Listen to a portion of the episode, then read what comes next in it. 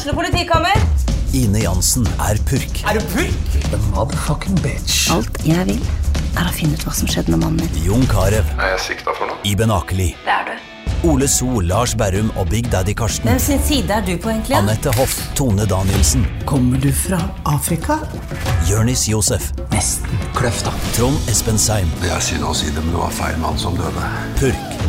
Premiere tirsdag på TV2 Play.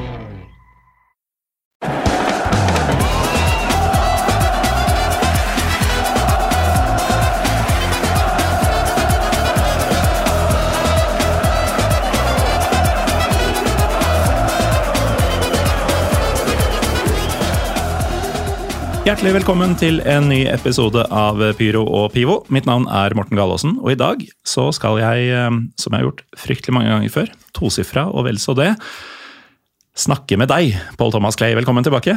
Takk skal du ha. Det, er, eh, det blir stadig vanskeligere å finne en måte å introdusere deg på. Eh, ja, det, det, det, det gjør det kanskje. Eh, hvis man skal ikke bruke igjen noe av det man har eh, gammelt materiale. Ja. Nei, det, jeg gjør eh, mye av det samme, enn så lenge i hvert fall. Ja, ja altså Veldig mange år i kommentator. Med det, må du ha bikka 1000 kamper, eller? Jeg, vet du hva, jeg satt og så på noe her. Eh, eh, 973. eh, på søndag så er det 974. Ja. Med eh, PSV Ajax, faktisk. Den er pen. Ja, den er fin. Og en god eh, overgang til dagens tema, fordi eh, vi har jo hatt, eh, og ofte har du vært med på dem, eh, opp gjennom åra en del episoder eh, i en serie vi kaller Kaosklubber. Og da har det jo gjerne vært klubber som har vært ordentlig ute å kjøre. Ja. og Altså nesten, nesten er bare kjent for det også. Ja. Altså, ikke noe annet. nei, og der blir det kanskje litt kontroversielt å kalle dette en episode i den serien.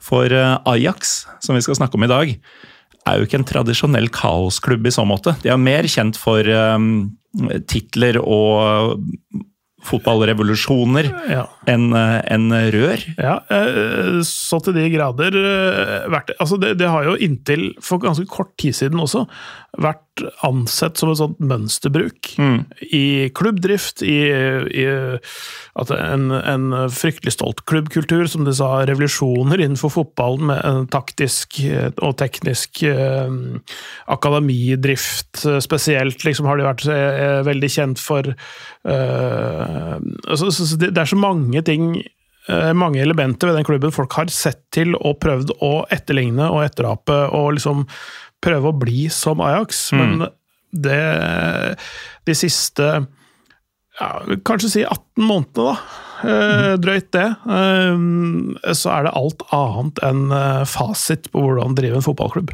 Så jeg Ja. det litt forsiktig. Virkelig, og vi skal gå litt eh, inn i materien her på eh, hvorfor og hvordan eh, Ajax har havna i det som i talende stund er nest sisteplass i Eredivisie. Riktignok med to kamper mindre spilt, som også er av kaotiske årsaker. Mm. men vi kan jo eh, også nevne at vi har jo eller du har medbrakt eh, Pivo med omhu i dag. Ja. For jeg eh, kommer jo med de vanlige norske industritinga som jeg har liggende i kjøleskapet, men du skulle uppe gamet litt i dag. Ja, eh, jeg gjør det litt sånn til vanlig òg, innimellom i hvert fall. Eh, Jeg tok med noen eh, smilende e-er fra Nederland. Ja. Så hvis vi begynner å klå på ansiktet til hverandre og snakke om hvor fussy og god eh, Så er det de smilende ene sin skyld. Ja, det, er, eh, det er et nederlandsk rusmiddel som heter eh, Heineken. Mm. Pilsner. Det er jo Grunnen til at det, det er en designhistorisk ting, det har jo kanskje vært innom før også, men de smilende e-ene er den der lille altså ene i Heineken, hvis man legger merke til det. Den er tilta lite grann. Bitte lite grann. Alle de andre bokstavene er på linje sånn som de pleier å være, men E-en er tilta ørlite grann, så det ser ut som et smil. Yeah. Og det er en sånn der liten uh, grafisk designmessig uh, lite triks for å få uh, en mer positiv vib når du ser logoen, ja. faktisk. Um, og Heineken eh, bryggeriet ligger jo eh, smack midt i eh, Amsterdam, så lenka er eh, tydelig.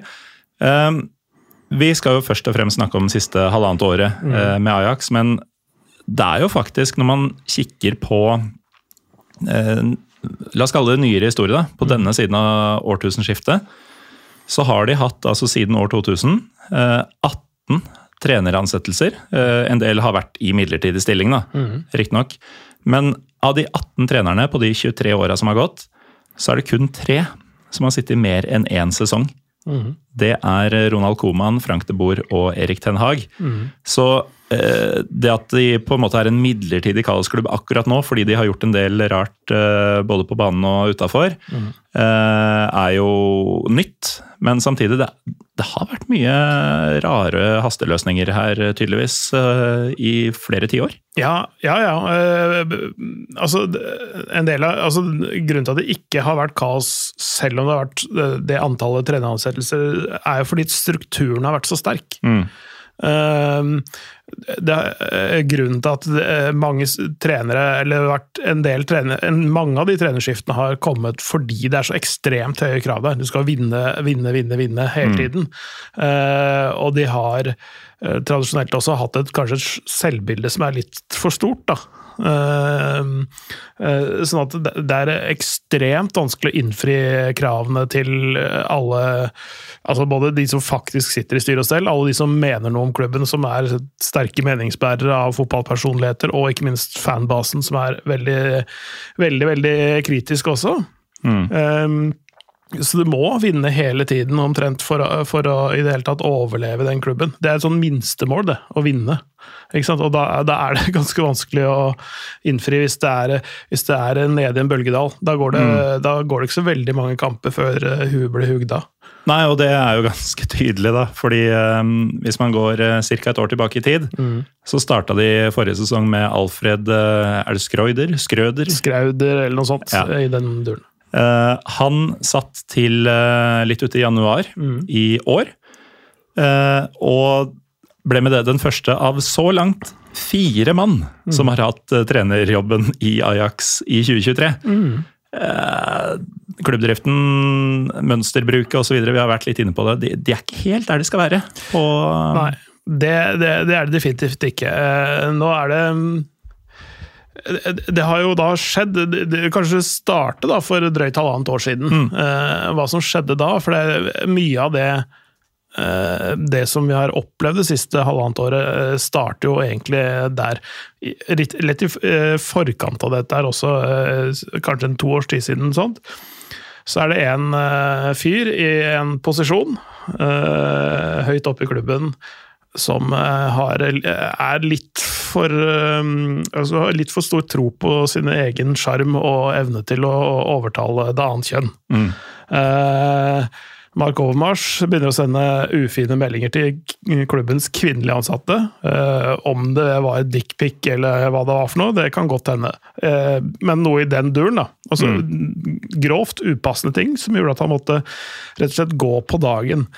Der starter den, den sportslige nedturen kanskje allerede nesten litt før det, men, men, det, det som Ajax har vært avhengig av kanskje bortimot et tiår nå, er nettopp samarbeidet mellom Mark Oldmars som sportsdirektør, teknisk direktør, og eh, Edwin van der Sar som, eh, eh, som administrerende direktør.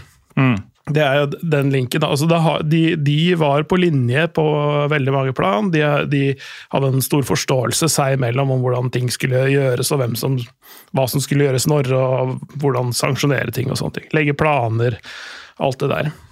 Um, viser det seg at uh, Og Mark Overmars har et kjempekontaktnettverk. Men det er eh, Han var ikke så nøye på å formalisere dette her. ikke sant? Og, og eh, legge igjen en liten arv, altså, eller ha noen sånn overføring til nestemann som skulle ta rollen, eller noe sånt noe.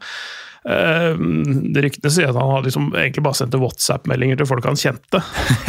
Eh, for, for, å, for å gjøre dealer og, og liksom eh, spørre hva de syns om den spilleren. og liksom sånn. Ja, de har et speidernettverk som på en måte gjør mye grovarbeid, og sånne ting, men en del av de derre Kall det den strukturelle i hans jobb som sportsdirektør og som på en måte hovedrekrutteringsansvarlig både for trenere og spillere. Det var mye oppi hans eget hode og kontaktlista på mobiltelefonen hans. Det lå liksom ikke så veldig mye på kontoret som nestemann kunne ta og bruke. Så både styrkene og svakhetene til Overmars de fantes på telefonen hans? Ja, omtrent. Ja. Uh, den, den skulle man hatt tak i, den der, altså. Ja. Den, uh, av uh, Ja, kanskje ikke heller. Kanskje det er- kanskje mulig for Pyro Pivo-universet å få tak i den. Fordi um, Hans Bressink, Antwerp-supporteren som har vært med på et par Parla Inglese-episoder, han har blitt god kompis med Overmars uh, etter at han flytta dit. Ja, herlig. Og er på fylla innimellom, skal vi tro hans sjøl i hvert fall.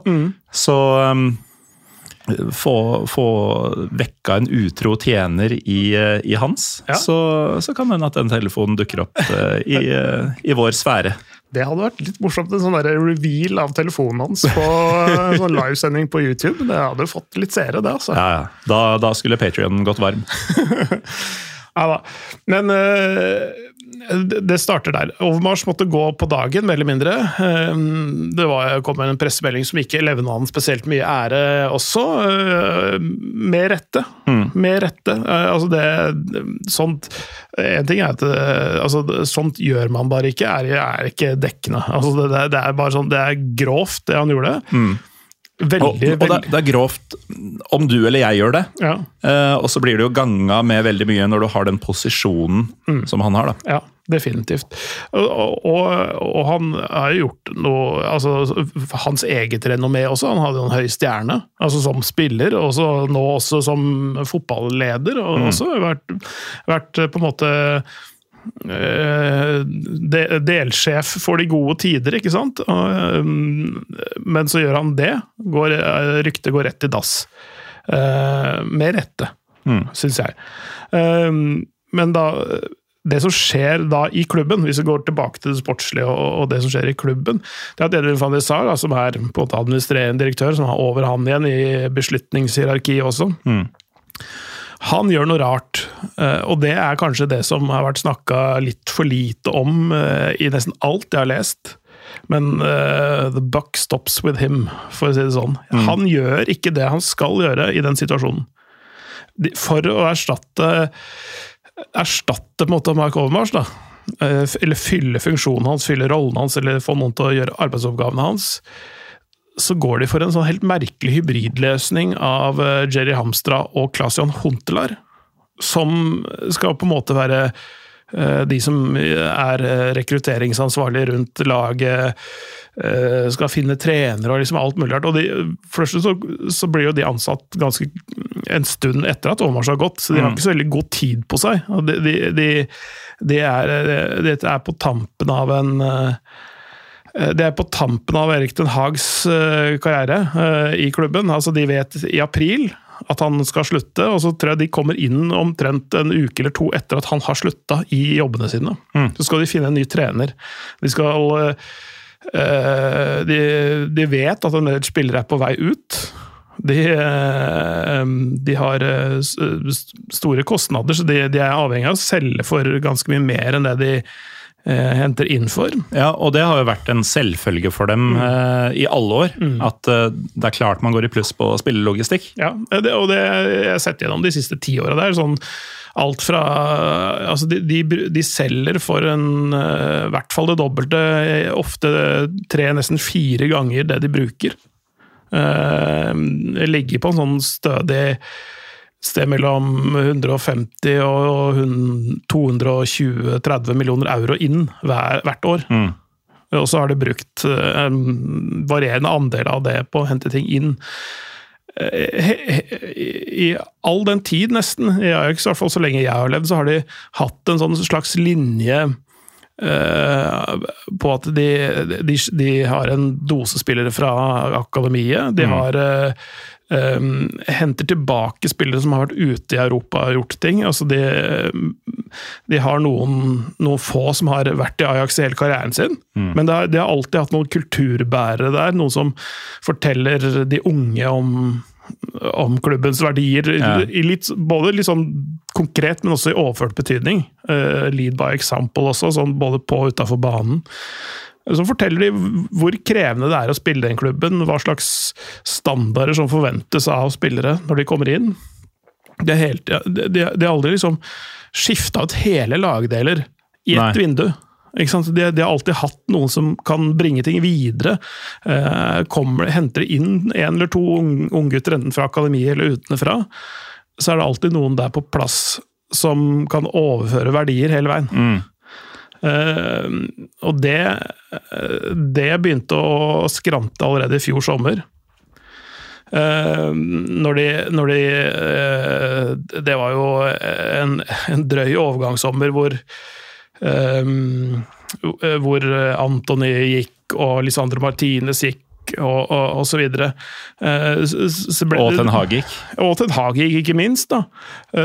Og så skulle da Jerry Hamstra og Claus Anotlar med litt sånn uklar arbeidsfordeling. De skulle liksom finne uh, fram spillere, og hva, hva trenger vi, hva skal vi erstatte de med?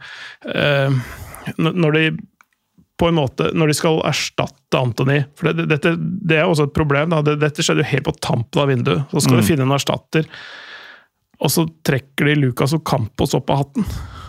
Det er um, karakterbrist. Ja, det, det, det og spille, spillertypemessig også. øh, altså han, fordi han kommer inn i en alder og med en lønn øh, og en kostnad som, som tilsier at da skal du slå til med en gang.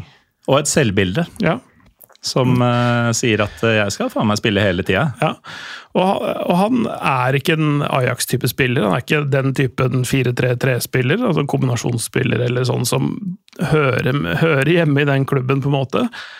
Kanskje tidligere i karrieren, kanskje, men ikke på det stadiet han er nå. Florian Grilic ble henta fra Hoffenheim, en litt rar variant uh, der. Um, mye sånn derre Hvorfor det? eh, reaksjoner når spillere ble henta inn. Eh, Brian Brobby, som de hadde ett år tidligere hadde gitt bort gratis. Eller det vil si, eh, han hadde jo Mino Raiola som, eh, som agent eh, og løp ut kontrakten, dro gratis til Leipzig. Når Leipzig ikke ville ha han etter et år, så sier det noe om nivået også, eh, på han også. Eh, Brian Brobby, og at de da velger å bruke 17-18 millioner euro på han et år etter at de slapp han gratis, eller måtte gi slipp på han gratis. Ja, for det, Det sier sier jo sånn- både noe om Brobby som spiller, eh, men også som type. At han lot seg sjøl gå gratis eh, på den måten, for så å bli, bli henta tilbake. Ja. Eh, virker jo ikke som en fyr som verken har eh, klubben i sitt hjerte, eh, for det første. Virker kanskje ikke som en spesielt ålreit type, siden Leipzig lot den gå så lett. Ja. Og um, ja, eh, og så vitner det om at Ajax ikke helt veit hva de driver med. Mest det siste, eh, i, i mine øyne i hvert fall. Altså, sånn, det, det kan være, være liksom en sånn en, et case med en ung gutt som har latt seg liksom lede litt ut på en galei som han ikke helt hadde kontroll over. Du er, hvis du er 19 år og har Mino Ayala som agent, sant, så snakker han øret ditt fullt av ting uh, som du ikke liksom, egentlig har ballast nok til å stå imot. Da. Eh, han kom jo opp gjennom systemet og var liksom venta å bli det neste store. Har ikke helt blitt det ennå. Det kan fortsatt skje, men eh, jeg har mine tvil. da. Ja, Juryen er ute, men eh, kommer med dommen hvert øyeblikk. Ja, ja det, det er ikke så lenge til eh, hammeren faller der, da. Nei. Ja, fordi, altså han Kort sagt, da, det, denne sesongen her, eh, så har han Jeg, jeg syns han har et helt elendig kroppsspråk. Eh, Han ser sløv ut. Ja, han ser det, men- samtidig så er det sånn, han har sånne glimt. da. Altså, Han er for det første råsterk. Det er kanskje hans fremste kvalitet. egentlig, at Han, han er en veldig god sånn hold-up-player. Altså, han, er, en, han er jo uh, Gøran Sørloth ganger ti uh, hva gjelder møtende spiss, rett og slett. Altså, han, han er eh, kvikk i tillegg, da. Men han er en ganske elendig avslutter. Og det er en dårlig egenskap når du er en nier i et lag som Ajax. Da Ja. du, da skal du faktisk være litt skarpere enn som så. Altså. Sjansene skal sitte. Mm. Men, men altså, hvis de taktisk legger opp til at han skal droppe ned og kantene skal komme inn og putte måla, så, så er jo det en annen sak. da. Det, men det er ikke sånn han blir brukt, og det, han er ikke Han er ikke han er ikke den beste kall det, i nierrollen som Ajax har hatt gjennom tidene. Det kan vi i hvert fall trygt ja. fastslå. Ja, For han skal jo fylle rollen til eh, folk som ja, du nevnte Hontelar, Kloivert i sin tid, Zlatan Ibrahimovic ikke minst. Ja. Aller eh, hadde en liten runde der. eh. Ja, Nikos Maklas, for de som Ja. eh, husker så langt tilbake. Ja. Nei, det, det, det, er jo en det, det er også en sånn ting som er vanskelig i Ajax. Da. Det er, det er, det er, du, uansett hvilken posisjon du kommer inn i, så, så har du store sko å fylle. Det, er en, det, en, det er en tung, tung arv i den klubben der, eh, som kan være Som kan trykke folk ned. Eh, som de aldri i, i, ned i en sånn posisjon som de aldri kommer seg ut av, rett og slett. Men, men eh, de, noen spillere vokser på det, andre gjør ikke det. I hvert fall den sommeren i fjor, med de to eh, Hamstra og eh, Huntelaar i den sportsdirektørrollen, eh, blir også med, med, med treneransettelsen av Alfred Skrauder, da, som, som var på en måte en, en ikke en dum ansettelse, sånn sett, sett på papiret, for han var assistenten til Ten Hag tidligere. Mm. I den der, Spesielt den 2018-19-sesongen var det vel han eh, han, var, han har jo vært litt rundt og trent sjøl også, men, men og ikke noe i nærheten av å få til det samme. Eh, dårligere materiale, ja, men, men allikevel. Eh, fikk veldig lite ut av, av gutta sine. Ja, og um, vi skal ta litt uh, hvor stort dette fallet har vært. Fordi de har hatt et par fantastiske sesonger mm. bare i den perioden Pyro Pivo har eksistert. Men eh, du er jo romeriking, eh, Pål Thomas. Ja. Og et lite øyeblikk da du snakka for litt siden, så trodde jeg du refererte til med de to hamstera. Ja, ja. Ja, ja, ja. For det er jo sånn, eh, sånne som oss sier hamsterne. Ja, ikke sant? Ja. Eh, men så var det da fyren som heter Hamstra, og. Huntelaar. Ja. Det var ikke de to hamstrene. Men, men det kunne nesten se litt sånn ut, for det, det, det virka som de, de bare løp rundt et hjul. Og så, altså, de løp i et hjul, og- men de kom jo aldri av flekken. Ja.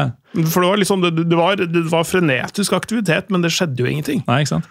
Men eh, denne skredderen da, som kom inn i, um, i fjor eh, Jeg husker jo eh, Da var jo Ajax fortsatt sånn passe gode. Mm. Topp tre, i hvert fall. Ja. Eh, men jeg husker jo at det var greier i sosiale medier og sånn om at eh, det er katastrofe for klubben, og dette er langt fra bra nok og greier. Ja.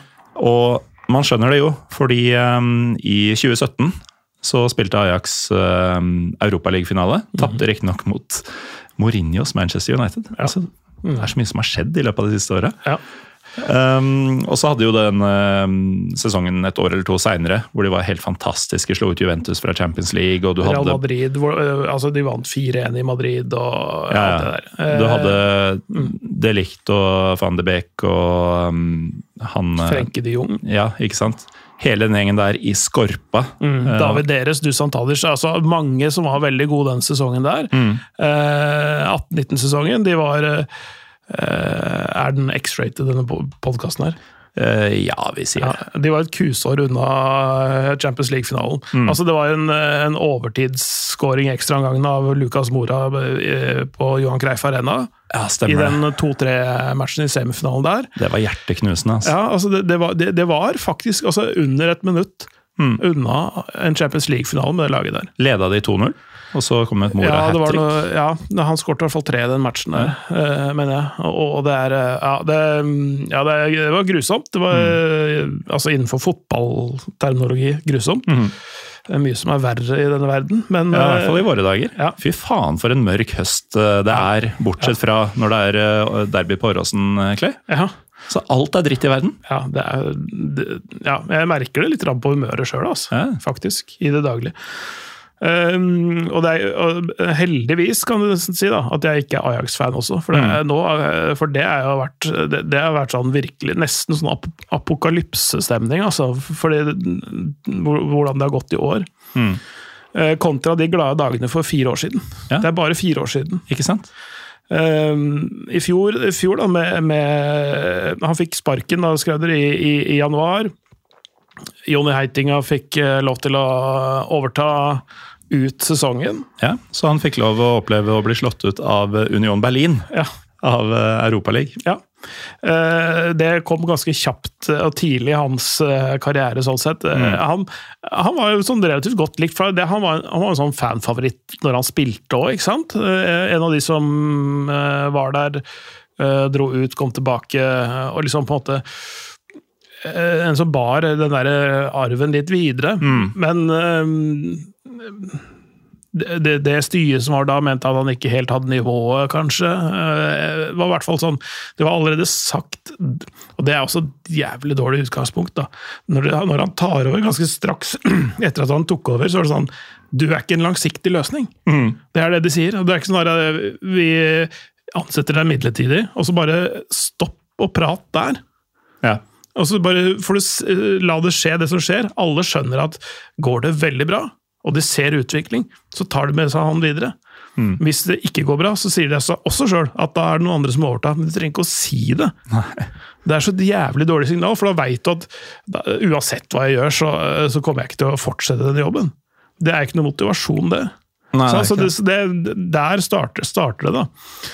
Uh, med det der sånn. Men den, det, som, det som var eh, Hvis vi går, hopper tilbake nesten et år før det, det som sagt, når Overmars dro, Jerry Hamstra Huntlar eh, kom inn det som, det er, Dette her er jo ansvar til Edvin van de Sar, som er direktøren over de igjen.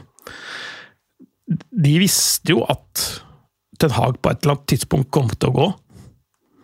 De virka dårlig forberedt når han først gikk. De, altså de, de, dette her er til og, med, til og med da tre år etter den, gull, den fantastiske sesongen hvor de nesten var i Champions League-finalen. De, de, de virka dårlig forberedt på hva som skulle skje da.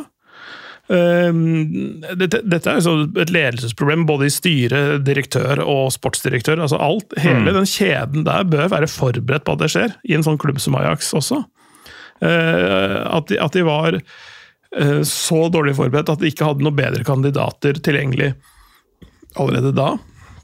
Det er veldig rart. Uh, uh, når plan A ikke funket med Skrauder, så, uh, så skyter de ned plan B før han uh, kommet i gang. Men han får lov til å styre ut sesongen, og det ender jo opp med altså både dårlig logistikk og dårlige trenerprestasjoner, dårlige trener, altså ansettelser også. Uh, Så, så ender de opp da på tredjeplass, seks poeng bak Champions League-plass. Ja. Ja, for det er bare to plasser i Nederland. Og det, så det, det går jo til de to andre eh, av de tre store. Ja.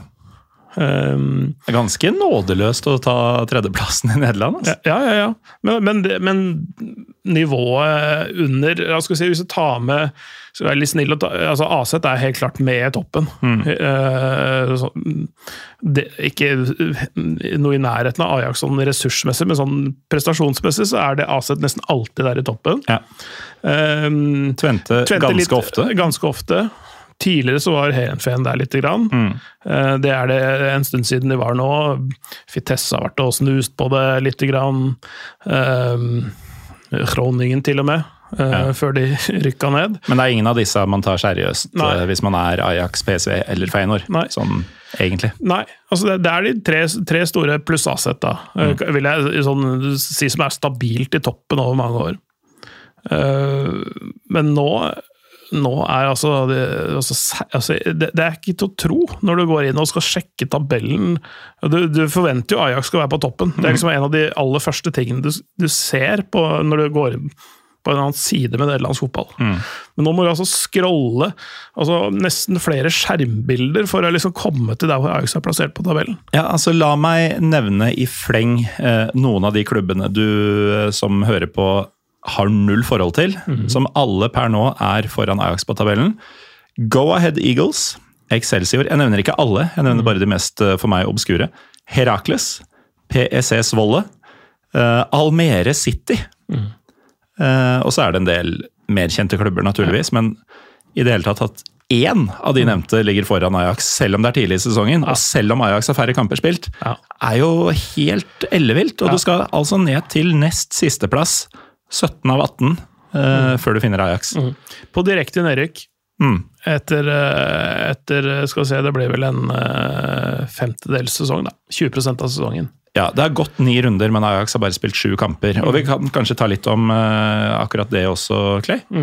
For um, det har jo annet vært et derby som Ja, eh, jeg, jeg så litt på jeg så litt på disse spillelogistikkene i sommer, og så så jeg etter at de solgte Kudus 27. august, så har de ikke vunnet en eneste fotballkamp. Nei. Så Det er to måneder siden. Ajax har ikke vunnet en kamp siden slutten av august. Ja, og det var borte mot Ludogorets i, i en kvalik til Europa. Så det var ikke seriekamp engang. Nei, eh, det, den en, de har vunnet én kamp i serien. Altså, de har jo da fem, fem poeng på disse sju kampene de har spilt. Det er én seier, to uavgjorte og fire tap. Eh, det, det, det, som var eh, Det som eh, var den første, første seriekamp, den vant de. Det så mhm. bra ut, da. 12. august. De slo Herakles 4-1 på hjemmebane. Mhm. Og etter det så har det mer eller mindre gått i dass, da, vil jeg påstå. Herakles er sju poeng foran Ajax akkurat nå. Mm. Det var det laget de slo 4-0 i starten. Mm. Mm.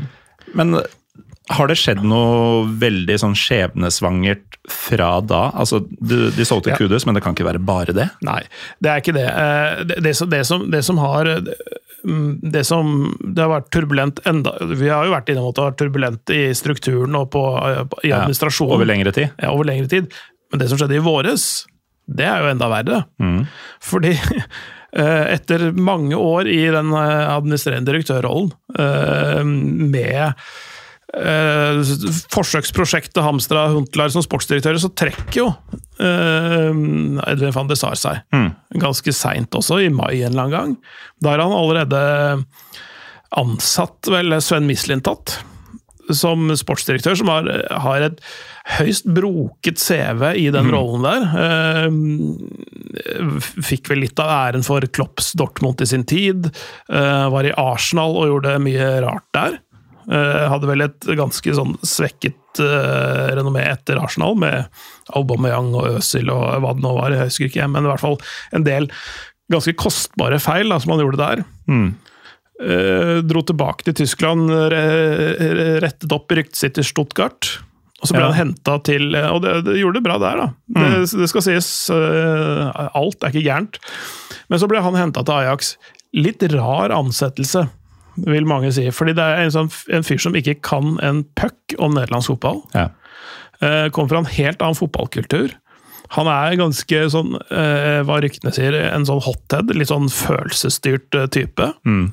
Um, ikke den derre rolige um, Litt sånn over, den, den, rolige, men litt sånn overbærende arroganse som du trenger i Ajax. Mm. Altså sånn, altså, du har kontroll fordi du vet best. Det er, det er men det er liksom litt av der, det som gjennomsyrer fansens holdning, spillernes holdning altså, og deres plass i nederlandsk fotball. Mm. Det er sånn at det, mm, det, det, det, er ikke bare at de altså, altså, vi, er ikke bare, vi er ikke best, vi er Ajax. Det er liksom, liksom den eh, credoet der, da. Mm. Sånn, på, på, mange plan så har i hvert fall Michelin tatt et sånn feil fyr å ta inn. Så ja. sies direktøren eh, opp, altså van de Sar sier opp. Han får seinere hjerneblødning på ferie og er ikke med eh, Altså, han er ikke med i klubben lenger, men det er ingen som erstatter han i den rollen. Nei. Så Mislintat får mer eller mindre sånn frie tøyler. Det er ingen som sitter og kontrollerer det han driver med. Han har fått et oppdrag, det er å, å redusere kostnadene fordi de ikke fikk Champions League. Mm. Store lønninger som må ut, og, og, de må selge for langt mer enn det de kjøper for. Det er jo mm, standard i Ajax, men de begynner, de begynner å tynnes litt i rekkene av salgsobjekter. ikke sant? Og, og han gjør dårlige vurderinger hva, hva spillere inn gjelder, og ansettelse av trener.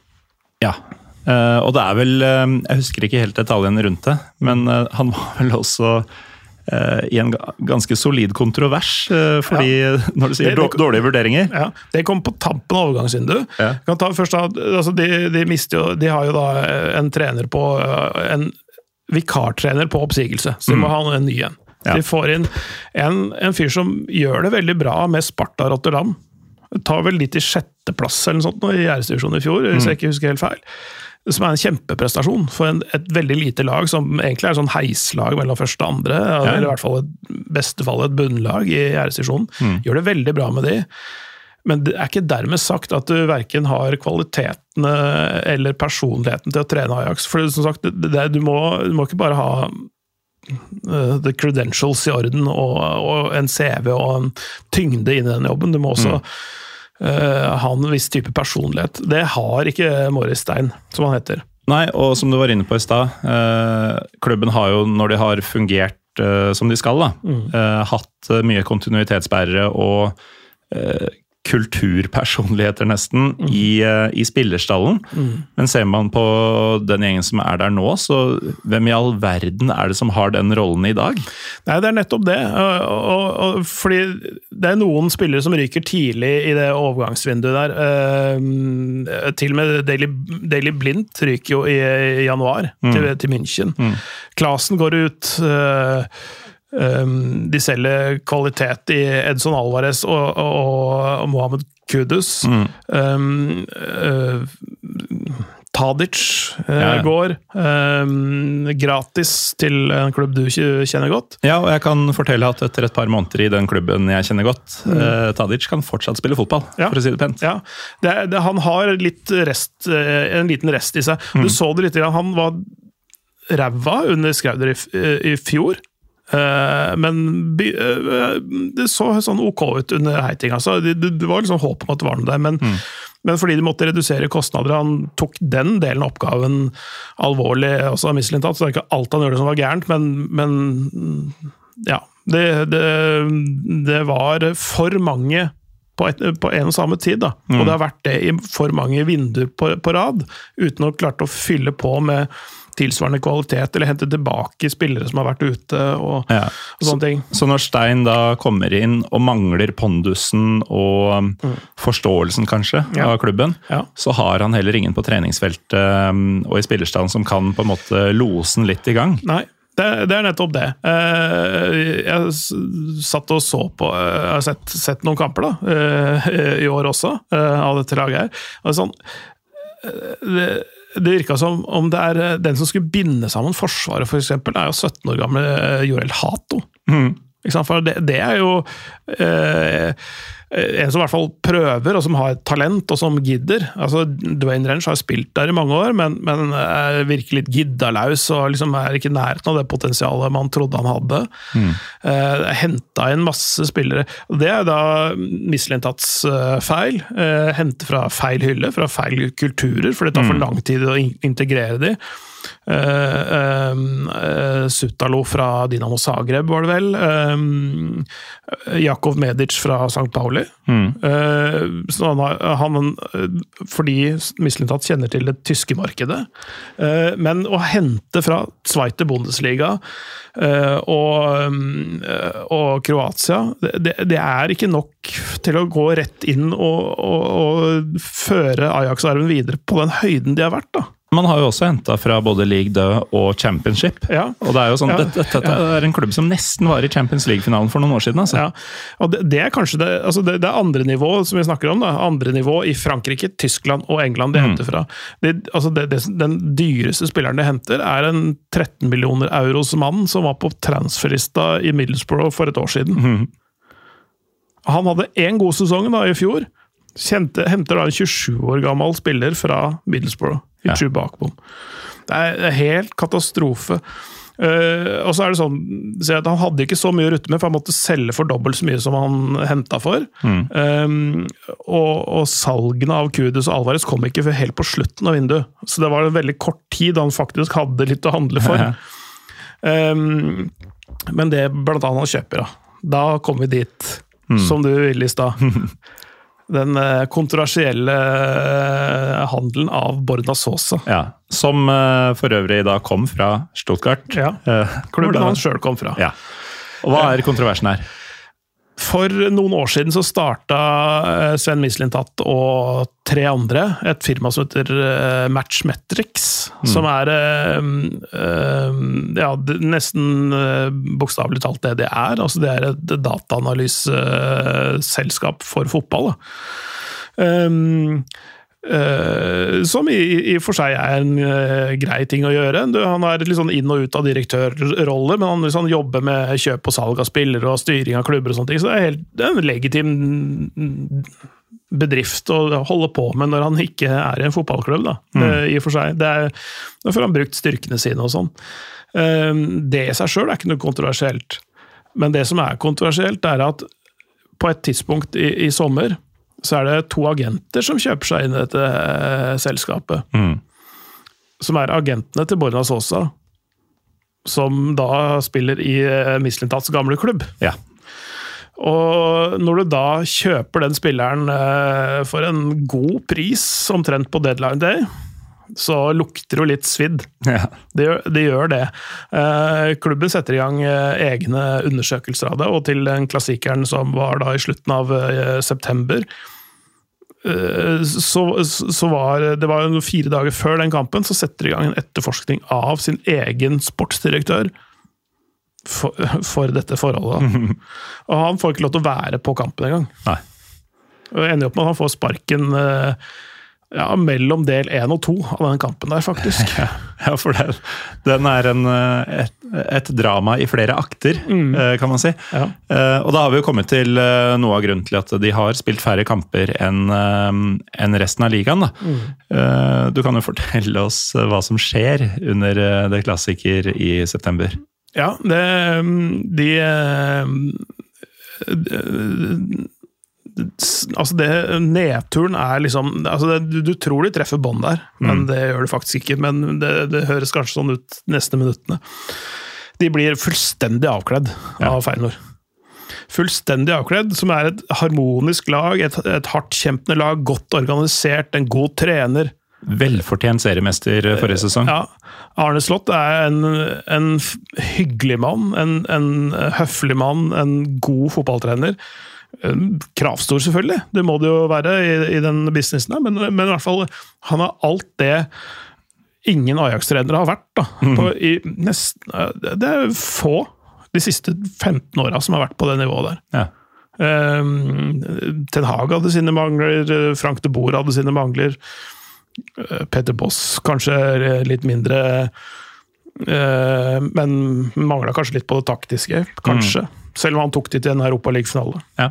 Uh, uh, men i hvert fall, Arne Slott er en bra trener. Feinor er et bra lag. De har uh, vært tålmodige med Jimenez og fått han opp. og Han er en fantastisk spiller. Spilte godt mot Lazio her, i, her om dagen òg. Snakker om den meksikanske spissen. Ja. De brukte litt tid på å få han i gang. Men det, igjen, det det der med å tenke langsiktig, fase det inn, gi de god tid til å lykkes. Du, tar en ung gutt ut av Mexico, så setter du en ja, i Rotterdam, da, i det tilfellet der. Ja, det, Det er et, det er et du finner ikke sprang.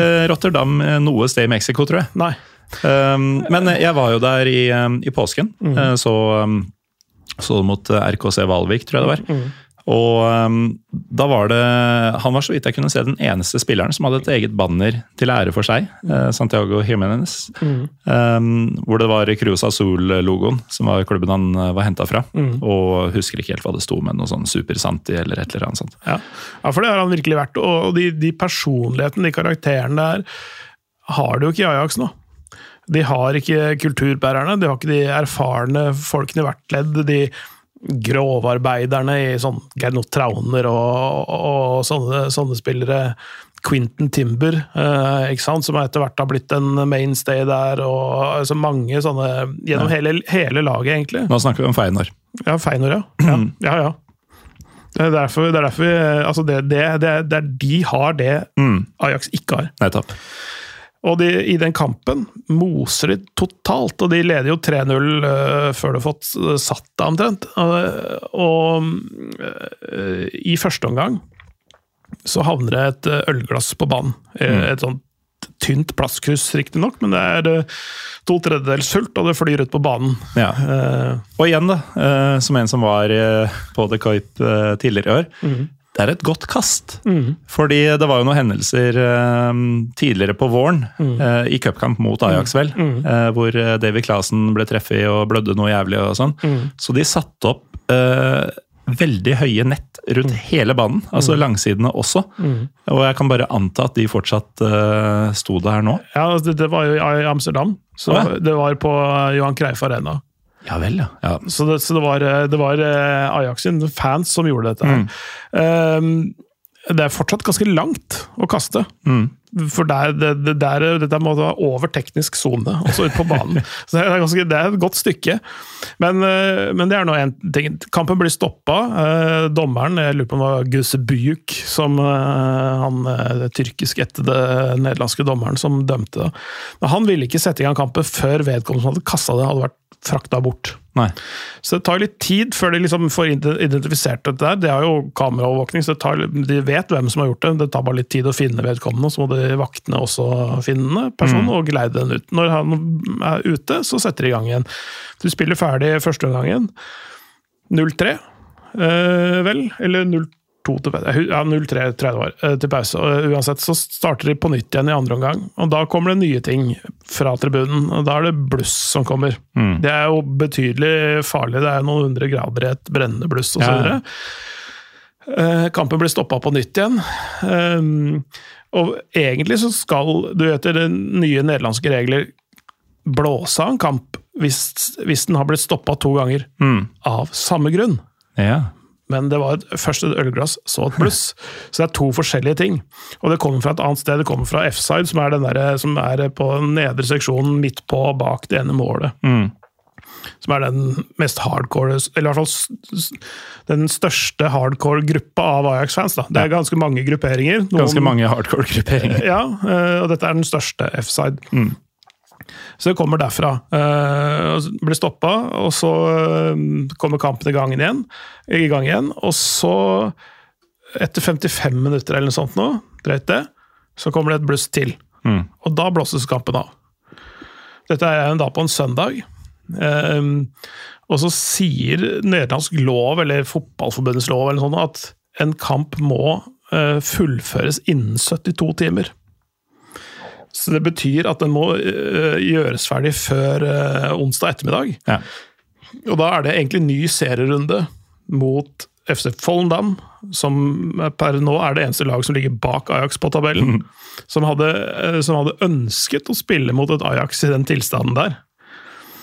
Uh, selvfølgelig. Men de må jo da utsette sin kamp, sånn at uh, Ajax Feinor kan bli spilt ferdig. Da spiller de de siste 35 minuttene.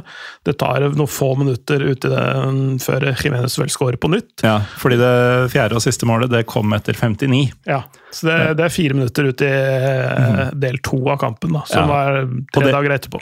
Del 1 var som du sa 0-3 til pause, og 0-1 kom da etter ni minutter. Så dette var på en måte enda verre for Ajax da man starta på nytt igjen. Ja. Og da, det, det var jo altså, Alle visste jo hvordan den kampen kom til å ende.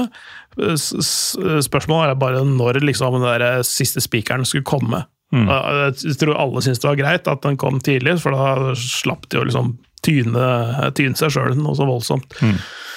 Det, æren hadde de jo allerede mista, så det var ikke noe å spille for eh, sånn sett heller. Så, så det, den fisla ut. Ble et eh, et 0-4-resultat, som er, mm, kan, er vel, så vidt jeg husker, det styggeste serietapet eh, Ajax har hatt mot Feyenoord i, den, i det oppgjøret der. Da. Ja, I hvert fall på hjemmebane. Ja, det er det, det er det jeg tenker på på Ja. hjemmebane. Men da har de jo da i løpet av den kampen mista æren både på og utafor banen. Eh, De virker jo, ut fra det du har sagt de første tre kvarterene her, å ha mista Ajax-DNA-et nesten fra topp til tå. Ja, og det, det er jo litt av det som har vært det man så i den kampen, veldig tydelig, men også sett uh, i kampene mot altså Aset nå uh, ganske nylig, og, uh, og andre, andre tilfeller. Det er at Morris Stein, da, som kom fra et, eh, en kjempesesong med et lag som overpresterte, han overpresterte, Eh, de, de, han klarte ikke, de klarte ikke å sette et stempel på, på dette her i det hele tatt. Det var helt umulig å, å, å se hva avtrykket til treneren var. Det er selvfølgelig, eh, når du har en 17-åring eh, og nykommer som stoppepar Du har Førstekeeperen din ble skada helt i starten, rolig eh, ut tidlig. eh, Bruker en en, eh, en tredje-fjerde keeper, egentlig, som han har vært tidligere, i hvert fall av Jay Gorter, eh, i, i Ajax-systemet. Var på lån i Aberdeen i fjor, er liksom sånn, han er vel 23. Ikke noe, han har ikke vært den verste Ajax-spilleren denne sesongen, men det, sånn, det er liksom det nivået de er på nå. da. Det, er, det er noe helt annet enn det de har operert med tidligere. Det en desillusjonert Dwayne Renge på høyre bekken og uh, Borna Sosa som har vært sånn høvelig grei på venstre bekk. Helt ny midtbane, en islending, Sivert Mannsverk som blir skada med en gang. Eh, Tahirovic, eh, svensken, som eh, ingen skjønner hva gjør der. Branko von der Bomen, som de har vel henta gratis fra Toulouse. Altså, som egentlig ikke har spilt på noe særlig høyt nivå, verken i Nederland før eller i, i Frankrike når han var der. Mm. Så de, de, henter spill Det er ingen igjen til å liksom holde det i øra. Steven Bergveien, eh, som er kaptein av alle ting. Han er ikke kapteinsmateriale. Han har, har ikke kreativiteten til å, å, styre det offensive. Han har en personlighet og et kroppsspråk som oser at han eh, vil være et annet sted. Mm. Uh, Det er liksom det som skal være ledestjernen deres. da. De, Steven Berghaus, som er denne litt uh, Tror du han angrer nå, eller? Han angrer nok litt nå, men han, han var jo utestengt i de første kampene, for han smekka til en fan i fjor. Eh, det var, riktignok det var en, ras, en, rasist av en motstanderfan, da. Ja. Så det var jo sånn Det var, det, det var halvveis legitimt å gjøre mm. det. Eh, men, men, så det er så mye rot, da.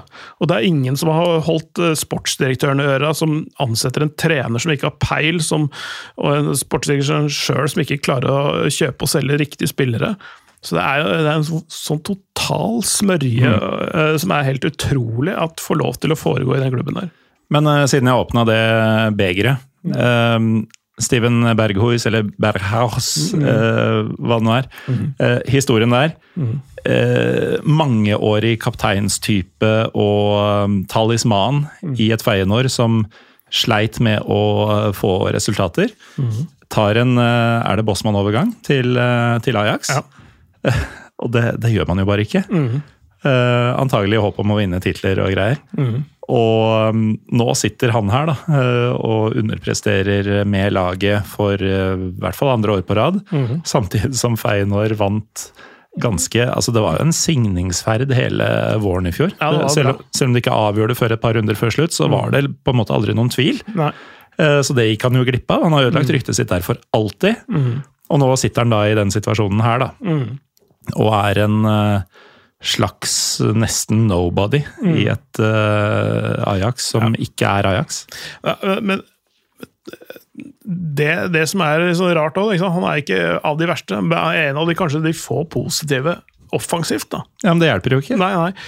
Um, nei, det, det er vanskelig. Det er, det, er, det er, trist, for du, du ser ikke helt de store, nye talentene som kommer gjennom, som skal redde de og neste år, eller liksom sånn, mm. de som skal bære de gjennom denne sesongen. Du, du, ser ingen ikke en eneste en som på en måte som gir deg sånn framtidshåp. Som er det neste store? Ja, som er framtidshåp. Altså det, det du, hvis det er noe håp for framtiden til noen av disse spillerne, så er ikke det i Ajax. Nei. Ikke sant? Det er, det er litt sånn du føler det, i hvert fall. da. Mm.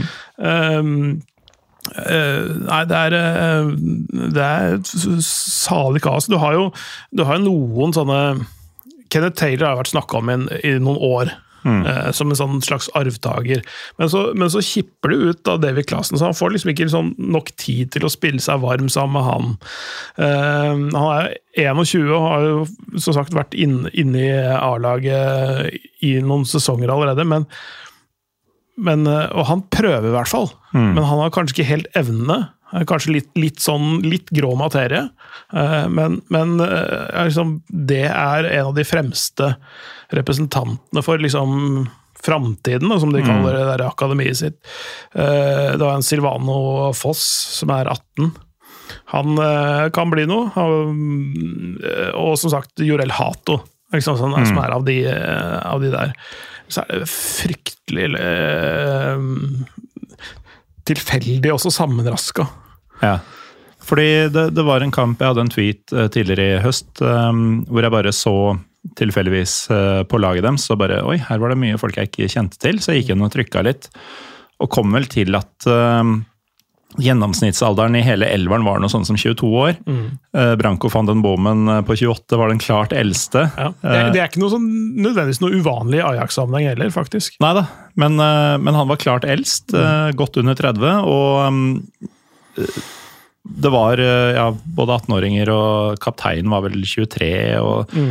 Sånn, og jeg tenkte bare sånn Å, fy faen, for en årgang de er på gang nå. Mm. Fordi Ajax sender ikke ut på den gjengen der mm. uten å vite hva de gjør. Mm. Nå som det har gått noen uker eh, siden den gang, og for så vidt også måneder. Mm. Ajax veit ikke hva de driver med. Det. Nei, det, det er nettopp det. Og de, de har en, en, styreleder som på en måte er på oppsigelse. Eh, han, var, han fungerer vel sånn delvis som styreleder og litt sånn direktør, på en måte, men, men de har på en måte ikke noe ansvaret plassert på noen hoder som skal være der permanent. De, for å toppe det hele, han satt jo sånn, var sånn han var på oppsigelse tror jeg, allerede i sommer, han, der, han, han styrelederen. Um, og de, de gikk for en direktør fra Aset. Mm. Uh, haia en derfra, selv om det er en klubb de vanligvis har et godt forhold til, og, og innimellom har kjøpt spillere fra, og, og, videre. Og, og Owen Weindal, for eksempel. Mm. Uh, um, men han når Han hadde jo egentlig arbeidsplikt eller noe sånt i Aset fram til 1.9. Det er greit nok, kanskje.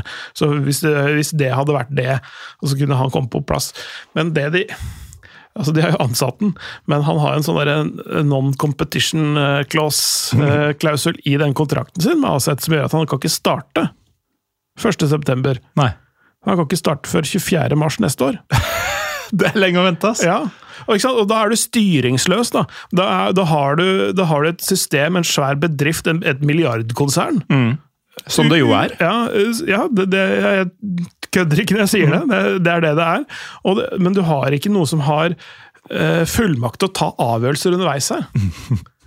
Og så, altså, de er jo nå uten sportsdirektør. Nå, nå ble det sånn at Huntlar, også skulle, som gikk tilbake til rollen med å være ansvarlig for andrelaget, har fått litt sånn uh, midlertidig ansvar på førstelaget igjen, etter at Mislintat gikk ut. Men nå er han sjukmeldt. Så nå har de ikke noe sportsdirektør, de har ikke noe direktør.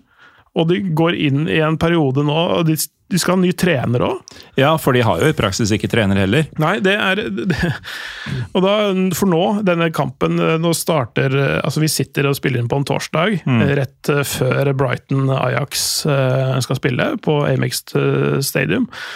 Da er det en vikartrener, Hedvikis Maduro. Eh, gammel eh, kjenning for eh, de som har fulgt litt nederlandsk fotball, og også landslag, faktisk. Defensiv midtbane. Ja. Stoppe defensiv midtbane i det, det området der. Um, som har gått litt sånn gradene i Almere City, faktisk. Mm. I klubben der. Uh, het vel Omnisport på et eller annet tidspunkt, for det var flere uh, idretter i klubben. Ja. Men det er, det er en, en, en flunka ny by som først oppsto på 60-tallet. Mm. 60-70-tallet. Nyopprykka lag også. Ja. ehm, han var ehm, Han var Åssen var dette her med, med Morris Stein og, og Almere City? Jeg tror, jeg tror de har i hvert fall jobba sammen før, Maduro og, og Morris Stein. Så han har jo da vært uh, vært um, assistenten hans før, eller de har jobba sammen, eller et eller annet sånt. Men i hvert fall, det var en, en idrettspsykolog i, i Almere City som hadde gjort en analyse av Morris Stein og hans kroppsspråk. Riktignok basert på TV-bilder, men det er eh, en dårlig skjult greie at det, det kommer via Maduro, egentlig. Som slakter han fullstendig, med tanke på kroppsspråket. Han er sånn oppgitt når egne spillere bommer på sjanser. Liksom, det er et eller annet sånn Uttrykker sånn avsky overfor et eget lag, da. Som en, som en supporter, egentlig. Ja. Som er sånn herre Ja, ja, en sånn dårlig supporter. Det, det er forskjell på å være skuffa og vise avsky. Det er litt det, er litt det, det der, da. Og det har noe med å håndtere omgivelsene sine, håndtere mennesker, og, og det der signalene du sender ut som trener. Så det er en annen ting som er eh, helt feil med Stein, da. Ja. I den eh, greia der. Og, og ha, når assistenten hans er en av de som fyrer opp under uh, dette her, ja, vi får se. Men, eh, men Maduro har visstnok gitt et ganske positivt inntrykk i intervjuer og sånne ting. eh, skal lede de nå. Men han har ikke lisensene til å være førstelagstrener, eller sånn ansvarlig trener. Så det må jo komme inn en annen trener. Ja. Som da i så fall vil bli den femte Ja, A-lagstreneren I i 2023. 2023. Ja. Det nevnes eh, Jon van Skip, som Ja. også var en tidligere Ajax-spiller. Han eh, Det er lenge siden, det. Ja, det er lenge siden. Han, 30 år eller noe sånt. Ja, han øh, tror han var ferdig i 92, så var Ja. han før den der øh, generasjonen som vant Champions League-finalen i 95. En, en OK spiller, en øh, kanskje litt mindre OK trener, men han har, liksom, han har vært litt, litt rundt. Det er vel den eneste sånn, klubben han har kommet tilbake til, er Melbourne City. Melbourne. Det er Så- et stykke, ikke bare geografisk, fra Ajax, det. Ja, altså, altså, de har nok bladd i kontaktlista si eh, på kontorene der og funnet ut, altså, funnet ut at det, det er- feiler med spillere som ikke har noe Ajax-DNA i det hele tatt. For det hadde ikke Moritz Stein. Hadde verken trener eller spillererfaring fra klubben. Nei. Så selv ikke nederlendere som ikke har vært i Ajax, sliter med å få det til der. Peter Boss var en av de få som fikk det til å funke sånn høvelig. Eh, um, men de eh, Så det er kanskje han de ender opp med, da. eh, nå etter hvert, og han skal liksom få orden på skuta. Det stiller jeg meg tvilende til, men det er i hvert fall en Det høres midlertidig ut, det eh, høres selv om det kanskje ikke er ment sånn. Ja, og, og fordi alle, de aller fleste Ajax-fans de ønsker seg jo van Hal inn, Mm. inn igjen. Han, han er eh, litt for gammel, han har helseutfordringer. Ja, som han, han er litt skrøpelig nå. Ja, um, han har godtatt å være en, sånn, eh, være en slags sånn rådgiverposisjon for styret. Han vil ikke inn i styret, han vil ikke inn i trenerjobben. Det kunne han fått på dagen hvis han ville. Hvis han, hadde, hvis Han han kunne ville. nesten valgt hvilken rolle han ville, han, for alle Ja. er jo ledige. Ja, ja, absolutt.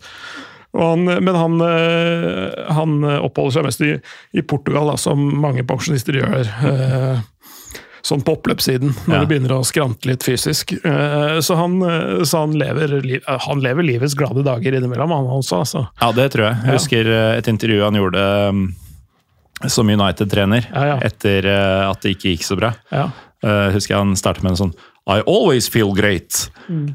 Eh, det kommer jo han til å si til han dauer. Ja, det, det var vel etter et par øl også. Jeg tror han er ganske kjapp inn i kjøleskapet etter match, mm. for å si det sånn. Hvem er ikke det? Nei, ja, ja og det, er, Apropos, det er eh, bilder av han fra, fra en sånn kanalbåt i, i Amsterdam også, etter Mm. eh, VM, blant annet. Ja.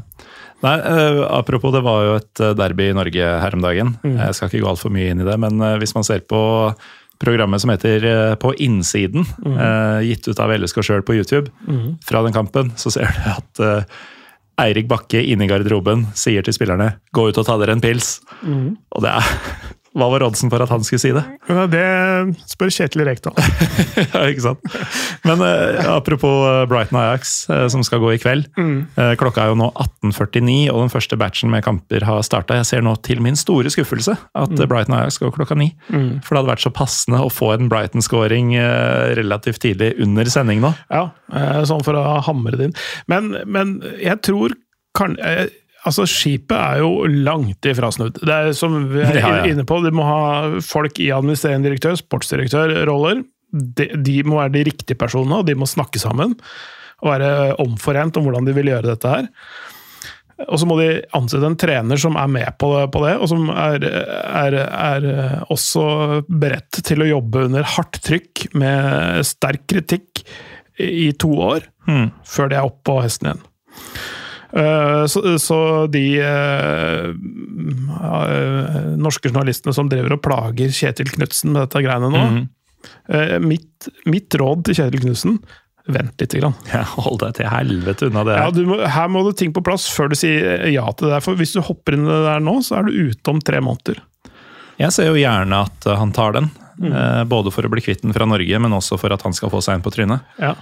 Nei, men altså, jeg, jeg tror at han, han eh, med de rette forutsetningene kunne fort ha vært en, en Ajax-trener, faktisk. Eh, Mm. Men du, du har jo akkurat sagt at folk som ikke har eh, holdt på å si, erfaring med hva klubben er, sliter med å få det til der. Med mindre de er sterke nok som trenerpersonligheter. Altså det, det er, det er en, det er en, Du må ha pondus på en eller annen måte. De må, ha- de- du, må, du må komme inn dit. Folk, folk må vite hva du har gjort før. Uh, og og de, du må ha respekt hos spillerne. Fordi de, de, de, de, de føler seg litt på toppen av næringskjeden, de som er i Ajax. De føler at de liksom nesten liksom kommet til toppen. Så det, det er folk med store egoer. Du må, det må du håndtere i seg sjøl, men du må også klare å selge inn og sette, på en måte ha en eh, et viss automatisk respekt. Da. Og det, det, det tror jeg Kjetil Knutsen har, fordi han har ganske ferske resultater. og Mose Mourinho 6-1 i, i Europa og sånne ting. Det, det er sånne ting som folk legger merke til. altså. Ja. Eh, Så han har, det, han har det i banken. Men eh, ikke ta jobben nå. Eh, se an eh, hva som skjer av organisasjonsmessige endringer og sånne ting. Eh, og tygg godt på det der før, før du eventuelt hopper på den. Men, men, eh, men sånn spillemessig så tror jeg, hvis Kjell Knutsen får til det han har fått til med Bodø-Glimt og satt den der, den, den, det blåkopien på, ned på det Ajax-laget der sånn, få de til å spille på samme måte, så tror jeg, bli- tror jeg det kommer til å gå bra. Men det, Men ikke nå. det blir neppe aktuelt eh, for noen av partene, kanskje. Ja. Eh, Først skal Jon van Skip eh, sparkes. Ja. Ja, uvisst av hvem. Ja. Men hele denne episoden starta jo med at Ajax ikke er en klassisk kaosklubb. eh, på den måten som 1860 München, Marseille, ja, Valencia i sin tid har vi hatt en episode om, har vært. Men etter den eh, timen vi har sittet her nå, det er jo ingen tvil om at Ajax per i dag er en eh, kaosklubb. Det, det, det var, ja, Der tok du deg en god slurk. Eh, Og det var jo ikke et klart spørsmål heller, så dette, dette er dårlig programledelse, rett og slett. Såkalt retorisk spørsmål. Ja. Du lot den henge deg litt. Ja. Uh, nei, men uh, Men det, de har fortjent denne episoden her. definitivt. Også, altså, det, blir jo rotete framstilt av meg òg, men det er, så, det er så mye å ta tak i. og Det er litt sånn uklare tidslinjer og elementer. og liksom hvor, hvor stor betydning er, hvert enkelt element har oppi det hele. Men det er jeg, jeg, jeg, selv om jeg har fulgt dette tett, og, og, og, så sliter jeg med å få oversikten.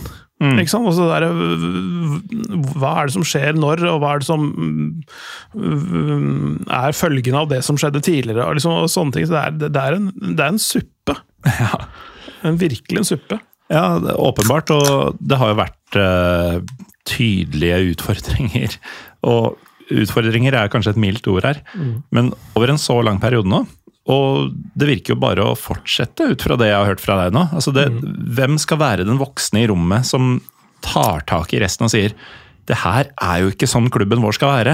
Den skal være sånn her, og vi må gjøre det her for å komme dit. Ja, De har ikke noe Uli Hønes eh, i, i Ajax, eh, selv om de har mange som mener mye, mye ting. da. Eh, Du har pundit som, som Rafael Faddefart spesielt. og Han tipper jeg slenger litt med leppene. han, han, han er ute og snakker, ja. Han Mm jeg- jeg- jeg- Han har mange, har mange Han er en sånn sitatmaskin, egentlig, men jeg kommer ikke på noen nå, selvfølgelig. da. Men, men, eh, men Er det han, både han og Sneider som har blitt eh, feite? Nei, det er van de Fart, vel, som Sneider også er ganske ja, runde. de, de, altså. ja. De, de er i hvert fall De har kroppstypene til det. Ja. Uh, men i hvert fall uh, det, det, det, Han er ikke liksom en sånn derre Han er eh, han er pundit. Det er det han skal være òg. Han er en sånn en rabulist som skal være å ja, bjeffe og mene ting og sånne ting. Jeg tror ikke han har liksom skillsettet til å være en eh, direktør, da. Ja, der har vi det. Sneider er ikke noe smågutt lenger. Nei. Det er sånn når du fortsetter eh, samme kaloriinntaket uten å trene som en toppidrettsutøver, så, så sliter du. Men eh, er det sånn at vi nærmer oss slutten på denne litt eh, brokete forklaringa på hvorfor Ajax er der de er i dag? Ja, ja egentlig. Det, det starta med et dickpic og endte Med Det endte dårlig. Og la det være lærdommen dere som hører på, i hvert fall av gutta, eh, tar til dere fra denne episoden. Sommerfugleffekten av uh, Ja. Omars sitt uh, dickpic. Starter du med et dickpic, så kommer det ikke til å ende godt. Nei. Så bare drit i det dickpicet. Ja. Med mindre du blir bedt om det, da. Ja. Men uh, tenk deg om da også, Ja, egentlig. Vit hvem du sender til. Ja, for det kan være noe som får tak i telefonen din på et eller annet tidspunkt. Ja, og så kan det hende at mottakeren eh, etter hvert ikke liker deg like godt som eh, vedkommende gjorde. Og da har de fortsatt det bildet Ja. og kan bruke til andre ting. Um, og bedre kan man ikke forklare Ajax-situasjonen per i dag. Nei, nei altså nei, det, er, det, det, det starta der. Uh, altså sånn Det passer jo fint å si det, da, i hvert fall. Men det, Ja. det, det er jo dypt problemer som, som det tar uh, ganske lang tid å komme ut av. Men, mm. men, uh, men jeg tror de kommer tilbake. De har ressursene til det, men det kommer til å være mer smertefullt og ta lengre tid enn det de hadde ønsket. Ja, um, og det er litt sånn jeg, Jeg prøvde jo å si i starten at Ajax egentlig har vært litt sånn rart styrt lenge pga. alle disse treneransettelsene, men de har jo alltid hatt um, rammeverk og fundamenter og sånn som har fått ting til å fungere likevel. Men uh, etter det du har sagt nå, hvor ja, dyptpløyende, dyptliggende, dyptrøttede uh, problemer det er, så virker det rett og slett som om dette er uh, et nytt beist, rett og slett. Altså, dette er et Ajax vi ikke har sett i holdt på å si, nesten vår levetid. Nei, det tror jeg ikke. Faktisk. Det er, det er, dype problemer, men, men igjen, det er såpass mange i miljøet rundt klubben som kjenner klubben såpass godt. Mm. Og de, de, har alle sikkert forskjellige løsninger på hvordan det skal løses, men, jeg tror først og fremst at du må ha dyp forståelse for klubben og kulturen og hva den, mm. hva den betyr. innad og utad. Få riktige folk i riktige posisjoner. De, de må jo ta seg inn i en ny tid. Det, mm. det jo, altså, de, de, kommer jo ikke unna fotballens utvikling, og de må kanskje bli litt mer uh, analytiske, litt mer hva skal jeg si, vitenskapsbasert da, enn ja. følelsesstyrte, uh, sånn som de kanskje har vært uh, i litt for stor grad, og har litt bedre strukturer på enn WhatsApp-lista til Mark Overmars. Så kanskje ikke bare hente spillere fra FC Midtjylland, men også tanker og ledere. Mm. Mm. Um, uansett, Paul Thomas Clay, Takk for at du var med, og eh, jeg må jo spørre, for så vidt. Åssen eh, har det seg at du stadig orker å drive og grave i et språk du ikke kan, og sånn, for å følge klubber og ligaer eh, som ikke alle andre gjør? Det er det som er gøy, da. Å, å, å finne ut av ting som ikke er lett tilgjengelig. Mm. Altså, det er jo Um, Nå er det jo blitt jævlig lett å lese nyheter på andre språk. da. Ja. Fordi du drar det opp i telefonen og trykker på oversettknappen hvis det ikke ja. kommer av seg sjøl. Ja. Men, men du, du, du, mister uh, fasetter uh, i språket hvis du ikke altså i hvert fall skjønner det litt. Jeg prøver å lese det på nederlandsk først, det er ikke alltid jeg klarer det. Men uh, noen ganger så klarer jeg å lese meg fram til det ene en tekst også. Mm. For du mister, mister nyanser i språket når du driver med sånne automatiske oversettelser. Men det er um, Nei, det, er, det, det, er, det er rett og slett eh, gøy å, å, og jeg syns det er fascinerende å, å, å, vite noe om ting som ikke alle andre vet noe om. Mm. For det, er så lett tilgjengelig at det er, det er så lavthengende frukt. da. Ja. Og det blir litt sånn at folk med eh, flere ressurser, altså folk ja. som jobber f.eks. Eh, i kanalene som mm. driver med den fotballen, de jobber jo med mm. å gjøre dette her. Mm da er det vanskelig å gjøre det bedre. Så kan man heller velge en annen uh, hylle eller annet, uh, et annet tema å mm. bli god på. Ja, ja. Um, ja, da fikk jeg svar på det òg. Ja. Uh, uansett, Pål Thomas, takk for at du var med i dag. takk, jeg kommer gjerne igjen. Jeg har, jeg har, flere kaotiske klubber i porteføljen min. Ja, ja. Vi, vi kunne snakke om Lyon i dag. Ja, det er det jeg først og fremst tenkte på. Sant igjen? Ja, der begynner det å komme seg igjen, da. Jo, men fy faen. Ja, ja. ja vi har vært innom eh, den kambodsjanske prinsen og sånn før. Ja da. Ja. Um, igjen, takk til deg. Uh, takk også til deg som fortsatt hører på. Mitt navn er stadig Morten Gallaasen. Vi er Pyro Pivopod på Twitter og Instagram, og vær så snill å fortsette å kalle det Twitter. Ikke anerkjenn det pisset til Elon Musk om at det skal bare hete én bokstav. Um, støtt oss gjerne på Patrion hvis du gidder. Um, du må gjerne ikke gjøre det også, du får ingen fordeler av å gjøre det, men hvis du vil, så er det patrion.com slash pyropivopod. Apropos pyropivo, på pyropivo.com så fortsetter vi våre ukentlige blogginnlegg med litt fotballhistorie og litt uh, matoppskrifter. Uh, har vel kommet til uh, Denne uka er det bokstaven I. den har ikke kommet ut ennå, men den kommer i løpet av helga. Ble, ble det bitterballer på B, eller? Uh, nei, på B så var det Brasil. Oh. Og Cochinha, tror jeg det heter. Mm. Um, den ene av de to gangene jeg prøvde å fritere noe i høst. Uh, hvor da denne gangen skada jeg meg ikke. Mm. Men uh, da jeg prøvde igjen å fritere noe kylling seinere, da gikk det gærent. Så ja, skal dere fritere noe, så vær forsiktig. Takk for i dag.